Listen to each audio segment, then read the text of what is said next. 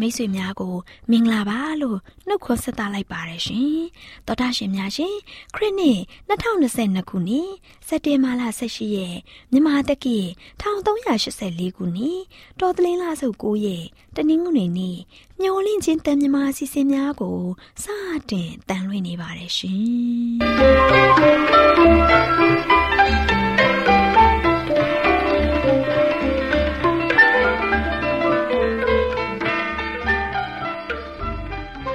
တော်တာရှင်များခင်ဗျာမျောလင့်ချင်းအတန်မြန်မာအစီအစဉ်ကိုနက်နက်6နာရီမိနစ်30မှ9နာရီအထိစကြောင်မီတာ kHz 10923ညညပိုင်း9နာရီမှ9နာရီမိနစ်30အထိ25မီတာ kHz 11943ညမှအတန်လွှင့်ပေးနေပါတယ်ခင်ဗျာဒီကနေ့တနင်္ဂနွေနေ့မှာထုတ်လွှင့်ပေးမယ့်အစီအစဉ်တွေကတရားဒေသနာဟောကြားခြင်းအစီအစဉ်ကျမ်းမာပျော်ရွှင်လူပေါင်းတွင်အစီအစဉ်စံပြအိမ်အောင်ရေးအစီအစဉ်တို့ဖြစ်ပါတယ်ရှင်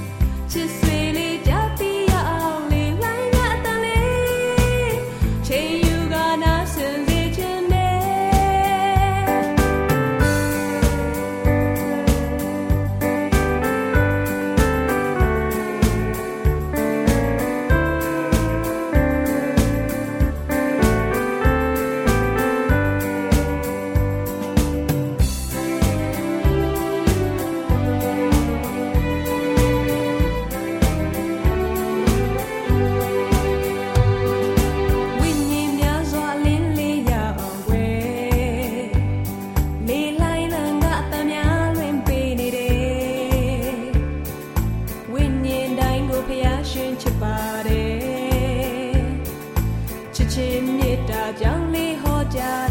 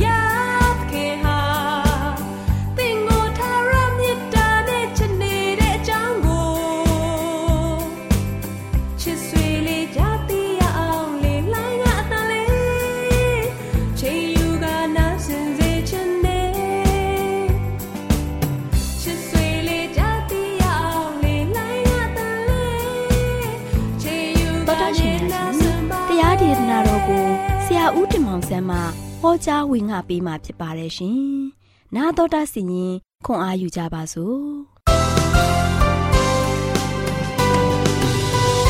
ချစ်တတော်တမမိတ်ဆွေများမင်္ဂလာပါလို့ရှိစွာနှုတ်ခွန်းဆက်တာပါတယ်ဒီနေ့မင်္ဂလာရှိသောနေ့တင်ပါလို့ရှိရင်ချစ်တော်မိတ်ဆွေများကျမ်းမာခြင်းပျော်ရွှင်ခြင်းငြိမ်သက်ခြင်းဖြတ်ဖြာပြေဝဆုံနေကြပါစေလို့လည်းရှိစွာပထမဆုတောင်းဆန္ဒပြုခြင်းပါတယ်ဒီနေ့မျော်လင့်ချက်ဓမ္မဒေသနာနေမှာဆက်လက်ဝင်ငှသွားမယ့်သတင်းစကားကတော့တတ္တိယမြေအမျိုးအစား ခရစ်တော်ပြောခဲ့တဲ့ပုံပမာတဲကနေမှာတတ္တိယမြေအမျိုးအစားကိုကျွန်တော်လေ့လာကြပါစို့ပထမကတော့ကျွန်တော်တို့လမ်းနိုင်ကြတဲ့မျိုးစေ့လမ်းမြေမျိုးစားကိုကြားခဲ့ပြီးပြီဒုတိယကတော့ကျွန်တော်ကြောက်ပေါ်များတဲ့အရက်ဒေတာမှာကြားတဲ့မျိုးစေ့ကြောက်ပေါ်မှာကြားတဲ့မျိုးစေ့အကြောင်းအရာဆိုရင်ကိုကျွန်တော်ကြားခဲ့ပြီကြောက်ပေါ်ကြောက်ရဲ့မြေကြီးပေါ်မှာเนาะဒီနေ့ကတော့တတ္တိယမြေမျိုးစားဒီနေ့ခရစ်တော်ဘုရားကကျွန်တော်တို့ကိုချစ်တဲ့ခါမှာကျွန်တော်တို့ကိုဒီမြေမျိုးစားတွေနဲ့နှိုင်းရှင်ပြီးတော့ ယနေ့သူ့ရဲ့သတင်းစကားကိုဘလို့လက်ခံကြမလဲဘလို့နေအဖြစ်သတင်းစကားကိုလက်ခံပြီးတော့ဘလို့ဘုရားသခင်ကိုဘလို့ယုံကြည်ရမလဲဆိုတာကိုညွှန်ပြနေတာဖြစ်ပါတယ်ချစ်တော်မြတ်စီတို့တတိယမြေမျိုးစားသူတော်ဆိုရှင်စိတ်အာယုံပြန့်လွင့်စွာဖြင့်တရားစကားကိုကြားနာတတ်တဲ့နှလုံးသားကိုပုံဆောင်ထားပါတယ်။နော်စိတ်နှလုံးသားကစုစည်းမှုမဟုတ်ဘဲနဲ့အာယုံတွေပြန့်လွင့်ပြီးတော့ဒီတရားစကားကိုကြားနာတဲ့နှလုံးသားမျိုးဖြစ်ပါတယ်။ဒါကြောင့်ရှင်မသက်ခန်းကြီး73အငယ်9မှာဆိုရှင်အချို့တော်မျိုးစိတ်တို့သည် စိုးပင်တွင်ကြသဖြင့်စိုးပင်တို့သည်ကြီးပွား၍ညှင်းဆဲကြ၏။ချစ်တော်မိတ်ဆွေတို့တရားစကားကိုကြားပြီးတော့လက်ခံပေမဲ့လည်းအသက်တာရဲ့စိုးရိမ်စရာများစုံစမ်းနှောက်ယှက်ခြင်းများလောကီကြိုကမှုမြေမှုများတို့ရှင်ဝင်ရောက်လာတဲ့ခါမှာအဲ့ဒီအရာဟာတို့ရှင်ယုံကြည်သူများရဲ့စိတ်ကိုလောကဘက်သို့ရိမ့်ရိုင်စေပြီးတော့စိတ်အာယုံလွှဲပြောင်းစေခဲ့ပါတယ်။ဒါကြောင့်စူပေါ်တဲ့မြေပေါ်မှာမျိုးစေ့ကျဲခြင်းအကြောင်းအရာနဲ့ခိုင်းနှိုင်းထားတာဖြစ်ပါတယ်။ ဒီနေရာမှာတို့ရှင်စိုးရိမ်ကြောင်းကြမှုနဲ့စီးစိမ်ဥစ္စာကိုစူးများအဖြစ်သခင်ယေရှုကဖော်ညွှန်းထားပါတယ်ဒါကြောင့်သခင်ယေရှုကဖော်ညွှန်းထားတာဆိုရှင်စိတ်ဝင်စားဖွယ်ရာကောင်းလာပါတယ်ချစ်တော်မိတ်ဆွေတို့သခင်ယေရှုချိန်ကပဲအဲ့ဒီအရာများဆိုရှင်မှန်ကန်ကြောင်းတွေ့ရပါတယ်သခင်ယေရှုအနေနဲ့ချမ်းသာကြွယ်ဝတဲ့သူများအနေနဲ့ကောင်းကင်ဝင်ဖို့ရန်ခက်ခဲသူများဖြစ်ကြောင်းတတိပေဟောကြားခဲ့တာကိုလည်းတွေ့ရပါတယ်။နောက်တထေးလေးတယောက်တထေးလေးရဆိုရှင်သခင်ယေရှုတည်ကိုလာတယ်။ကိုတော့ကျွန်တော်ကဆိုရှင် ထာဝရတက်ရဖို့ရန်အတွက်ဘာလုပ်ရမလဲ။ခရစ်တော်ကိုမေးခဲ့တယ်။ခရစ်တော်ကမေးခဲ့တဲ့ခါမှာခရစ်တော်ကဆိုရှင်တထေးလေးကိုလွယ်လွယ်လေးပဲပြောတယ်ဒါတို့ချင်းမင်းပညာတော်တွေကိုစောင့်ဘုရားသခင်ကသူ့ရဲ့သားသမီးတွေကိုသူ့ရဲ့တရားလမ်းတိုင်လိုက်ဖို့ရန်အတွက်ပညာတော်ကိုစောင့်ရှောက်ဖို့ဥပဒေကိုလိုက်ရှောက်ဖို့ရန်အတွက်လိုအပ်တယ်ဆိုတဲ့အကြောင်းပြောပြတဲ့အခါမှာအကိုတော့ကျွန်တော်ကဒီဥပဒေတွေကိုငယ်တင်တောင်ကြီးကလေးဘွားနေစပြီးတော့မိဘလည်းတုံတင်တယ်ဘာသာတရားလည်းတုံတင်တဲ့အတွက်ကြောင့်ကျွန်တော်လိုက်လျှောက်ပြီးသားပဲကဲဒါတို့ရှင်မင်းတို့ကတခုလိုသေးတယ် အဲ့ဒါကတော့ဗာလဲဆိုတော့မင်းကပစ္စည်းဥစ္စာဒနာရှိတယ်အဲ့ဒီတော့ကြောင့်မင်းရဲ့ပစ္စည်းဒနာဥစ္စာတွေကိုရောင်းပြီးတော့မင်းရဲ့အိမ်နာနေခြင်းမုတ်ဆိုးမတွေစာရည်သာငတ်မခေါင်းပါတဲ့သူတွေလိုအပ်နေတဲ့သူတွေကိုဝင်ငှပေးပြီးတော့စင်ရသားတွေကိုဝင်ငှပေးပြီးတော့အဲ့ဒီဟာပြီးရတယ်မင်းငါးနောက်ကိုလိုက်အဲ့ဒါဆိုလို့ရှိရင်မင်းအတွက်ထာဝရလမ်းကိုရှောက်ရမယ်ပြောတဲ့အခါမှာဒီတထေးလေးရပါဖြစ်လေသူ့ဤမှာရှိတဲ့ပစ္စည်းဥစ္စာတွေကိုထိပါလာတဲ့အခါမှာသူနဲ့ချွေးရက်နဲ့သင်း သွေးနဲ့ရှာထားတဲ့အရာတွေပေါ်မှာသူဘယ်တော့မှလည်းလို့မရှုံဆုံးရှုံးနိုင်တယ်ဘူးသူ့ရဲ့ပစ္စည်းတနာအုပ်ထားတွေဘယ်တော့မှမပြောက်ချင်ဘူးပစ္စည်းတနာဥစ္စာပေါ်မှာဇိမ်နဲ့မိန်နဲ့အေးအေးဆေးဆေးနေကျင်သေးတယ်။ဒါကြောင့်ပစ္စည်းတနာဥစ္စာကိုကျွန်တော်တို့ကလွယ်လွယ်နဲ့မစွန့်ပစ်ချင်ကြဘူး။ပစ္စည်းတနာဥစ္စာကကျွန်တော်တို့ရဲ့အသက်တာကိုဆွဲလန်းစေတယ်။အဲ့တို့ကြောင့်တထေးလေးကနောက်ဆုံးခရစ်တော်ကိုကြောခိုင်းပြီးတော့ထွက်ခွာသွားခဲ့တယ်။ထာဝရသက်နဲ့တရင်ကအတော်တွင်နဲ့ရွေးချယ်ခဲ့တဲ့အရာကချစ်တော်မိတ်ဆွေဒီတထေးလေးရဲ့ပုပ္ပမာမှာ ကျွန်တော်တို့ရဲ့အသက်တာကိုပြန်လည်ပြီးတော့ညွန်ပြနေတာဖြစ်ပါတယ်။လောတာရဲ့မယားကိုလည်းကြည့်လိုက်အောင်။နော်သူဟာဆိုရှင်တောတုံတဲ့ဂေါမောရမြို့မှာဖယားသခင်ကထွက်ခိုင်းတဲ့အခါမှာသူ့မှာကဘာဖြစ်လဲဆိုတော့အဲ့ဒီတိုင်းပြည်မှာသူမခြံခဲ့တဲ့ခြံထားခဲ့ရတဲ့သူမရဲ့အိုးအိမ်တွေသူမရဲ့ပစ္စည်းပစ္စည်းရတယ်သူမရဲ့မွေးထားခဲ့တဲ့ဘုရားကောင်းကြီးပေးခဲ့တဲ့တိရစ္ဆာန်တွေသူမဒနာဥစ္စာတွေကိုအုံနောက်ထဲမှာစဉ်းစားပြီးတော့ပြေးတဲ့ခါမှာအချိန်တန်တဲ့ခါနောက်ကိုလှည့်ကြည့်လိုက်တဲ့ခါကျတော့ လောတာဟာလောတာရဲ့မယားဆိုရှင်ချက်ချင်းပဲစားတိုင်းဖြစ်သွားတယ်။ဒါချစ်တော်မိတ်ဆွေတို့ပစ္စည်းတနာဥစ္စာကကျွန်တော်တို့ကိုမမောစီတယ်ကျွန်တော်တို့ကိုလောဘတက်စီတယ်ကျွန်တော်တို့ရဲ့ဘဝတက်တာမှာအတော်မတတ်နိုင်ဘဲနဲ့ကျွန်တော်တို့ကိုဖျားသခင်ထံကနေပါတဖြည်းဖြည်းနဲ့ဝေးကွာစေခဲ့တဲ့အရာဖြစ်ပါတယ်ဒါကြောင့်ကျမ်းကျအချုပ်ကိုကျွန်တော်စဉ်းစားကြည့်ကြပါစို့သခင်ယေရှုကငါအမှန်ကန်ဆိုသည်ကငွေရတတ်တော်သူသည်ကောင်းကင်နိုင်ငံတော်သို့ဝင်ခဲ့လာသည်တဲ့ရှင်မသက်ခန်းကြီးဆက်ကိုအငယ်23မှာဖော်ပြထားပါတယ် ဒါတရားပွဲတွေပဲကြည့်လိုက်ပါဦးငွေများတကယ်တခါစီးပွားရေးရှာနေတဲ့လူဘယ်တော့မှတရားပွဲလာနားမထောင်ပါဘူးနော်ဒါကြောင့်ယေရှုကငါမန်ကန်ဆိုတဲ့ကငွေရတတ်တော်သူသည်ကောင်းကင်နိုင်ငံတော်ကိုဝင်ခဲလာတယ်တဲ့ကောင်းကင်နိုင်ငံကိုဝင်ဖို့ရန်အတွက်ခက်ခဲရှိတယ်နောက်ကျမ်းချက်တစ်ခုကတော့တနည်းကငွေရတတ်သောသူတို့သည်အမင်္ဂလာရှိကြ၏အကြောင်းမူကားသင်တို့သည်မိမိတို့တက်တာခြင်းကိုယခုခံရကြ၏ဒါကြောင့်ငွေရတဲ့သူတွေဟာဆိုရှင်အမင်္ဂလာရှိကြတယ်ဘလို့နည်းအဖြစ်ငွေရှာကြတယ်လေ နော်ဘလို့နည်းအဖြစ်စီးပွားရေးရှာကြမလဲစဉ်းစားကြည့်ပါဒါကြောင့်ဘုရားသခင်ကပြောတယ်သင်တို့ဒီတက်တာခြင်းကိုယခုခံကြရတယ်ဒါကြလေကျွန်တော်ငွေတွေကျွန်တော်တို့ရဲ့ဒနာဥစ္စာတွေစီးစိမ်တွေကယခုလောလောဆယ်အတွက်တော့ကောင်းတယ်အဆင်ပြေတယ်နော်ကျွန်တော်စိန်နဲ့နေနိုင်တယ်လူလူရဲ့ဘောင်ထဲမှာဆိုရှင်အဆင်မြင့်မြင့်နဲ့နေနိုင်တယ်အဆင်မြင့်မြင့်နဲ့သွားနိုင်တယ်လာနိုင်တယ်နော်ဟိတ်ဟန်နဲ့အကြီးကျယ်ကျွန်တော်နေနိုင်တယ်သို့ပေမဲ့လည်းဒါကတည်င်ကလေးပဲယခုချိန်ပဲခံစားရမှာနောင်ရေးအတွက်သင်ဘဝအသက်တာမှာမစိတ်ချရဘူးဒါကြောင့်ရှင်လုကာခိုင်း6ငယ်24မှာ အတိအလင်းဖော်ပြတာတယ်ဒါကျွန်တော်တို့ရဲ့အသက်တာမှာတဘဝတာဒီခဏတာလေးအတွက်အသက်ရှင်ဖို့ရန်အတွက်မဟုတ်ဘဲနဲ့တဘဝတာအတွက်နောင်ရင်အတွက်ကျွန်တော်စိတ်ချဖို့ရန်အတွက်အရင်ကြီးကြည့်ပါတယ်ဒါချစ်တော်မိတ်ဆွေထိုကြမ်းကြမ်းများကိုစဉ်းစားကြည့်ပါသခင်ယေရှုကချိန်ကအဲ့ဒီစကားကိုမှန်ကန်နေမယ်ဆိုရင်ယခုချိန်ကိုပြန်လှည့်ပြီးတော့စမ်းစစ်ကြည့်ပါကျွန်တော်ယခုချိန်မှာတော့ရုပ်ဝတ္ထုပစ္စည်းများတခါတည်းအငမ်းများလောက်အောင်လိုချင်တတ်မှတ်ခြင်းနဲ့ယခုမှဆိုချင်းအချိန်ကာလဖြစ်ပါတယ်နော်အများကြီးပဲကျွန်တော်ရုပ်ဝတ္ထုပစ္စည်းတွေအများကြီးပဲ ကျွန်တော်တွေ့တာနဲ့လိုချင်တယ်ကျွန်တော်ယူချင်တယ်ဆန္ဒရှိတယ်နော်အပေများလောက်ပို့ပြီးတော့မှန်ကန်နေလိမ့်မယ်လေချစ်တော်မိတ်ဆွေချမ်းသာကြွယ်ဝမှုဟာလူတအူးတယောက်အားဆိုရှင်အချိန်တိုတွင်ဖြစ်စည်းခြင်းမဟုတ်ပဲနဲ့တဖြည်းဖြည်းနဲ့လူကိုဆုပ်ယုပ်ဖြစ်စည်းစေတဲ့အရာတစ်ခုဖြစ်ပါတယ်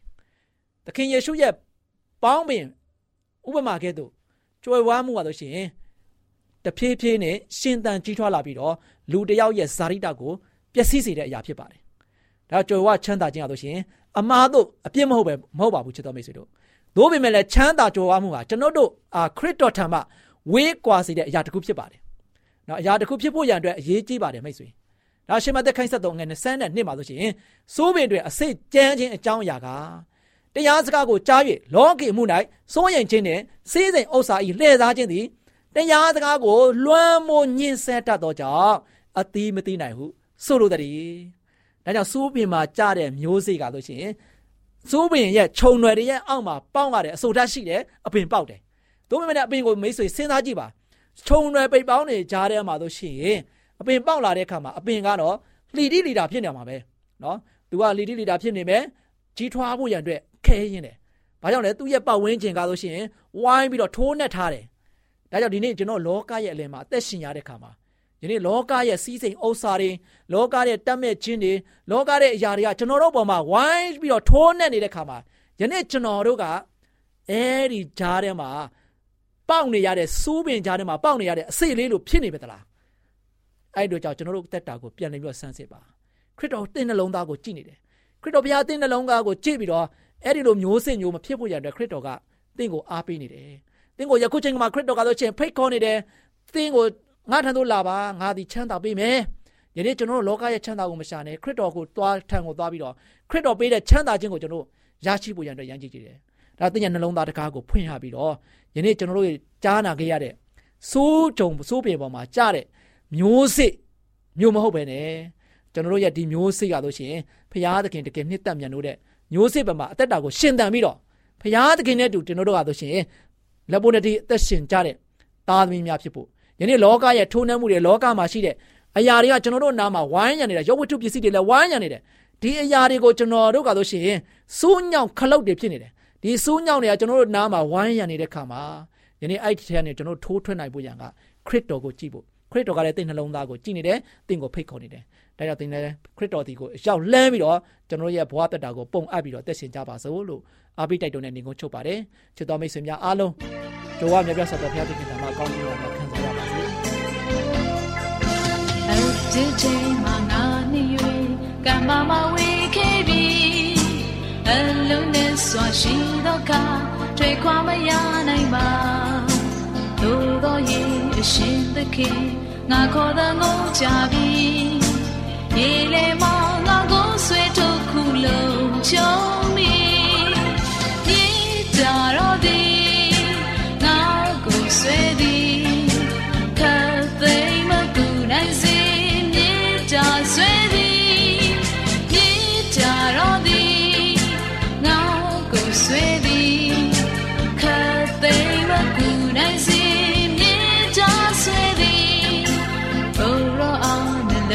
ပီကိုရောကိုမြည်ခေါ်သည်မြမြတ်သောရှိတော်၌အစဉ်ကြီးမွန်တဲ့ချင်းဆိုမည်မြေတားတော်အစေဖြစ်၍ကြီးမွန်ခြင်းခံထိုင်ပြီးစိတ်နှလုံးဝိညာဉ်နဲ့နောက်တော်သို့လိုက်မည်မြေတားတော်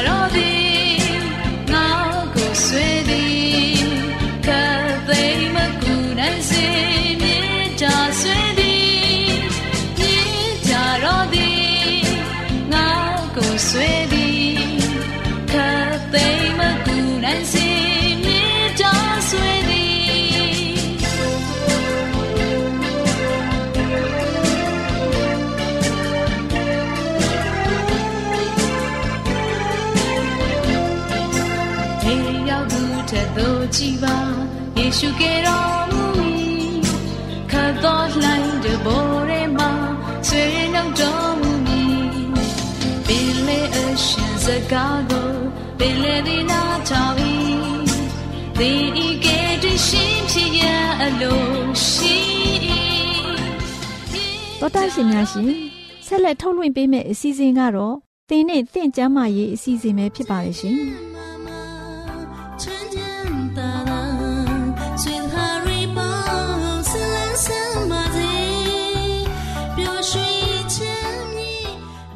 ပျော်ရွှင်လူပောင်တွင်ကျမ၏ကဏ္ဍမှာကျမမေသူနဲ့ကျမခိုင်တို့လေ့လာထားတယ်ဆဲလိတ်အန်ဒီရဲ့တိကောင်းပွဲဆိုတဲ့အကြောင်းကိုဆွေးနွေးတင်ဆက်ပေးသွားမှာဖြစ်ပါတယ်ရှင်။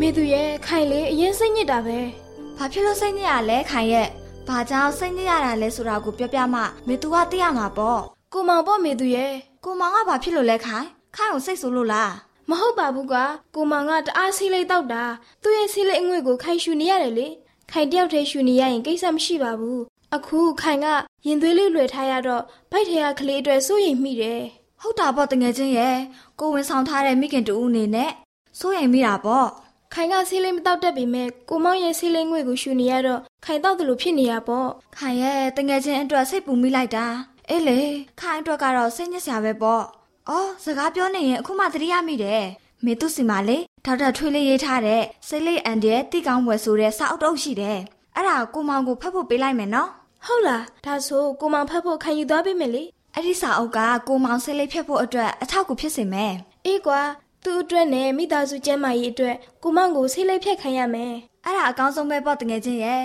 ။မေသူဖတ်မိတဲ့စိတ်လေးအန်ဒီရဲ့တိကောင်းပွဲစာအုပ်ထဲမှာဘယ်လိုရေးထားတာလဲဆိုတော့ဩစတြေးလျနိုင်ငံမှာ နှစ်တိုင်းလိုလိုကလေးငယ်3000ဟာရင်ကျက်ဝေဒနာနဲ့စိတ်ုံတက်ကြရတယ်တဲ့။အဲ့ဒါလိုဖြစ်ရတဲ့အကြောင်းရင်းကိုစစ်ဆေးလိုက်တဲ့အခါမှာတော့တခြားသူတွေတောက်ထားတဲ့စိတ်လေးအငွေ့ကိုရှုမိလို့ဖြစ်ရတာဆိုပြီးရှာဖွေတွေ့ရှိရတယ်တဲ့လေ။။ဒါကြောင့်ပြောတာပေါ့မိသူရဲ့တခြားသူတွေတောက်တဲ့ဆေးလေးငွေ့ကိုရှူမိတဲ့ကလေးငယ်တွေခမယောဂဝေဒနာတွေခံစားကြရတယ်နော်အဲ့ဒါတွေမကသေးဘူးခိုင်ရဲ့သူတစ်ပါးတောက်တဲ့ဆေးလိမ့်ငွေကိုရှုမိတဲ့သူတွေဟာနှလုံးယောဂလေဖြတ်ယောဂ နှလုံးသွေးကြောခြင်းယောဂသွေးခဲတဲ့ယောဂသွေးကင်ဆာအကျိတ်ကင်ဆာပါးစပ်လေပြွန်းနဲ့အသက်ရှူလမ်းကြောင်းရင်သားအဆုတ်စတဲ့အင်္ဂါတွေမှာကင်ဆာယောဂဖြစ်ဖို့များတယ်တဲ့လေ။ဟုတ်ပါမိသူရဲ့ဒါတောင်ဆေးလေးကိုတောက်တဲ့သူတွေမဟုတ်သေးဘူးနော်ဟုတ်တယ်ခိုင်ရဲ့ဆေးလိမ့်အငွေရဲ့40ရာခိုင်နှုန်းကကင်ဆာကိုအားပေးတဲ့ဓာတုဗေဒ drug တွေနဲ့ပေါင်းစည်းထားတယ်လေဆေးလိပ်ကိုတရက်မှာဆယ်လိပ်တောက်တဲ့ကိုယ်ဝင်ဆောင်မိခင်က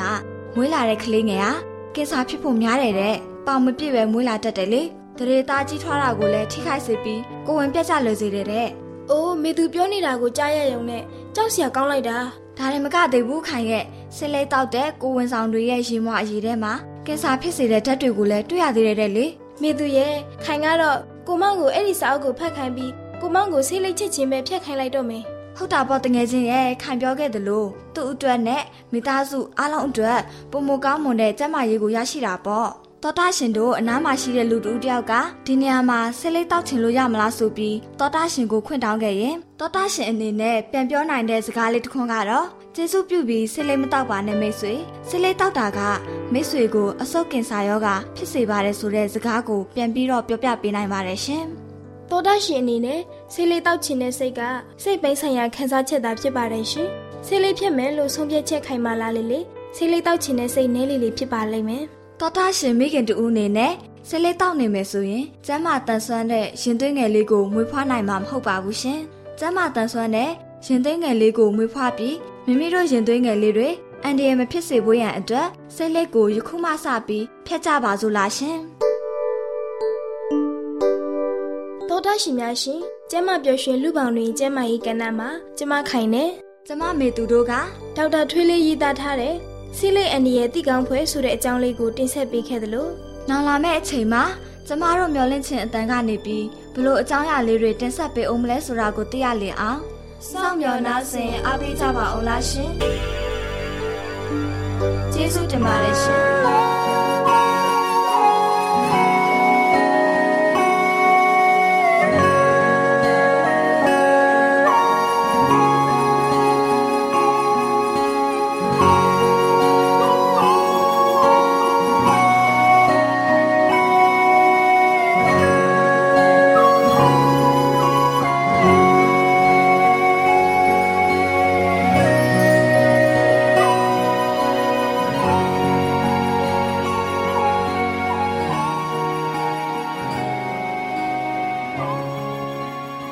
ရှင်များအားလုံးမင်္ဂလာပါရှင်။ခုချိန်မှာစံပြအိမ်အောင်ဆိုတဲ့စာအုပ်ထဲက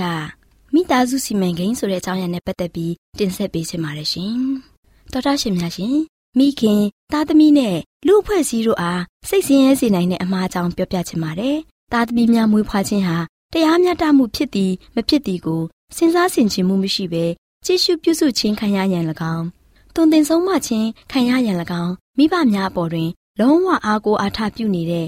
မဆာမဲ့ကလေးတင်ငယ်မြောက်များစွာမွေးဖွားထားကြတဲ့မိဘများလည်းရှိကြပါတယ်။ဒီလိုပြုလုပ်ခြင်းဟာမိခင်ဖြစ်သူကိုသာမက သူ့ရဲ့သားသမီးများနဲ့လူအဖွဲ့အစည်းကိုပါပြုတဲ့မှားယွင်းမှုတစ်ရပ်ဖြစ်တယ်။မိဘများအနေဖြင့်သူတို့သားသမီးတို့ရဲ့အနာဂတ်ကောင်းစားရေးကိုအမြဲတမ်းနှလုံးသားမှာပိုက်ထားသင့်ပါတယ်။ဘဝအသက်တာရဲ့လိုအပ်မှုများကိုဖြစ်တင်ပေးနိုင်ဖို့အတွက်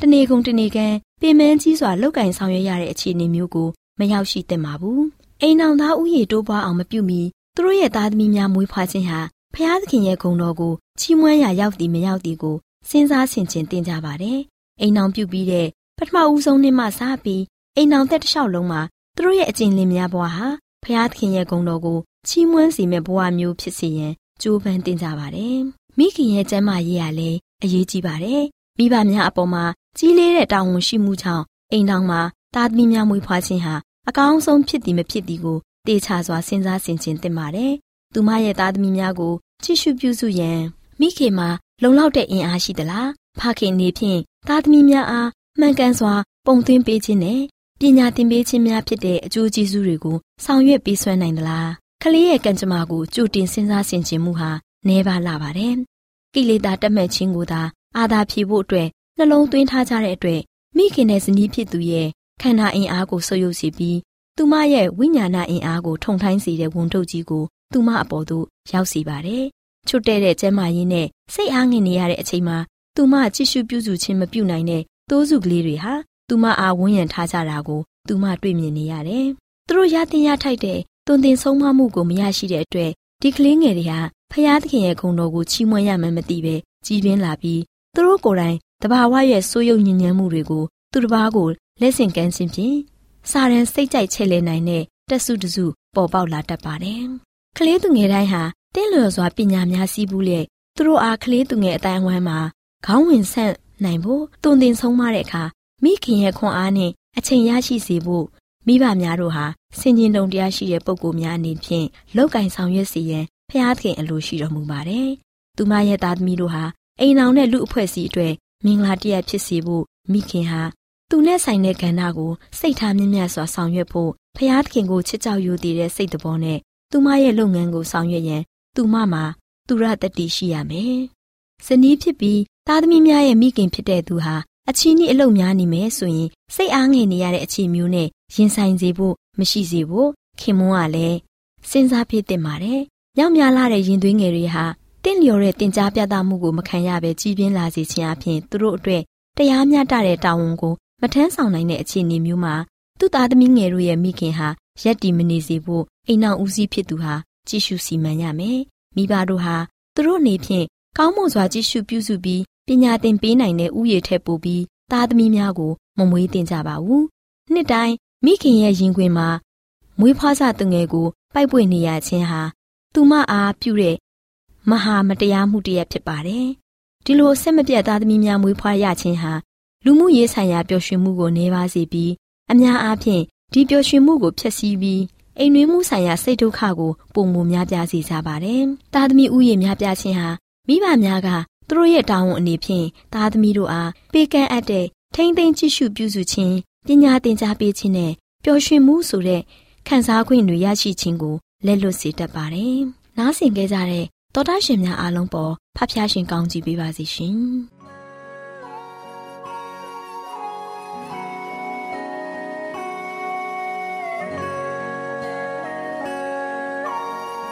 ဗုဒ္ဓရှင်များရှင်ကျမတို့ရဲ့ဗျာဒိတ်တော်စာပေးစာယူသင်တန်းဌာနမှာ အောက်ပါသင်တန်းများကို ပို့ချပေးလျက်ရှိပါတယ်ရှင်သင်တန်းများမှာဆိဒ္ဓတုခရှာဖွေခြင်းခရစ်တော်၏အသက်တာနှင့်တုန်တင်ကြများတဘာဝတရားဤဆရာဝန်ရှိပါကျမ်းမာခြင်းနှင့်အသက်ရှိခြင်းသင်နှင့်သင်ကျမ်းမာရေးရှာဖွေတွေ့ရှိခြင်းလမ်းညွန်သင်ခန်းစာများဖြစ်ပါရဲ့ရှင်သင်တန်းအလုံးဟာအခမဲ့သင်တန်းတွေဖြစ်ပါတယ် ဖြည့်ဆို့ပြီးတဲ့သူတိုင်းကိုဂုံပြုလွှာချင်းမြင့်ပေးမှာဖြစ်ပါရဲ့ရှင်တော်တာရှင်များခင်ဗျာဗျာဒိတော်အတန်းစာပေးစာယူဌာနကိုဆက်သွယ်ခြင်းနဲ့ဆိုရင်တော့ဆက်သွယ်ရမယ့်ဖုန်းနံပါတ်ကတော့39 656 296 336နဲ့39 98 316 694ကိုဆက်သွင်းနိုင်ပါတယ်။ဓာတိတော်အတန်းစာပေးစာဥထာဏာကိုအီးမေးလ်နဲ့ဆက်သွယ်ခြင်းနဲ့ဆိုရင်တော့ l a l r a w n g b a w l a @gmail.com ကိုဆက်သွင်းနိုင်ပါတယ်။ဓာတိတော်အတန်းစာပေးစာဥထာဏာကို Facebook နဲ့ဆက်သွယ်ခြင်းနဲ့ဆိုရင်တော့ S O E S A N D A R Facebook အကောင့်မှာဆက်သွင်းနိုင်ပါတယ်။ AWR မျော်လင့်ခြင်းအတန်ကိုအားပေးနေတယ်တော်တာရှင်များရှင်မျော်လင့်ခြင်းအတန်မှာအကြောင်းအရာတွေကိုပုံမသိရှိပြီးဖုန်းနဲ့ဆက်သွယ်လိုပါက39 2939 3926ခွန်45နောက်ထပ်ဖုန်းတစ်လုံးအနေနဲ့39 688 464 48ခွန်ကိုဆက်သွယ်နိုင်ပါတယ်ရှင် AWR မျော်လင့်ခြင်းအတန်ကို Facebook နဲ့ဆက်သွယ်ခြင်းနဲ့ဆိုရင်တော့ AWR ရန်ကုန် Facebook Page မှာဆက်သွယ်နိုင်ပါတယ်ခင်ဗျာအင်တာနက်ကနေ မျော်လင့်ခြင်းအတန်ရေဒီယိုအစီအစဉ်တွေကိုနားထောင်ခြင်းနဲ့ဆိုရင်တော့ website လိပ်စာကတော့ www.awr.org ဖြစ်ပါတယ်ခင်ဗျာတောတာရှင်များရှင် KSTA အာကခွန်ကျွန်းမှာ AWR မျိုးလင့်ချင်းအတံမြန်မာအစီအစဉ်များကိုအတံလွှင့်ခဲ့ခြင်းဖြစ်ပါတယ်ရှင် AWR မျော်လင့်ခြင်းအတန်ကိုနာတော်တာဆင် gay ကြတော့တောတာရှင်အရောက်တိုင်းပေါ်မှာဖျားသခင်ရဲ့ကြွယ်ဝစွာသောကောင်းကြီးမင်္ဂလာတက်ရောက်ပါစေ ကိုစိတ်နှဖျားကျမ်းမာရွှင်လန်းကြပါစေကျေးဇူးတင်ပါတယ်ခင်ဗျာ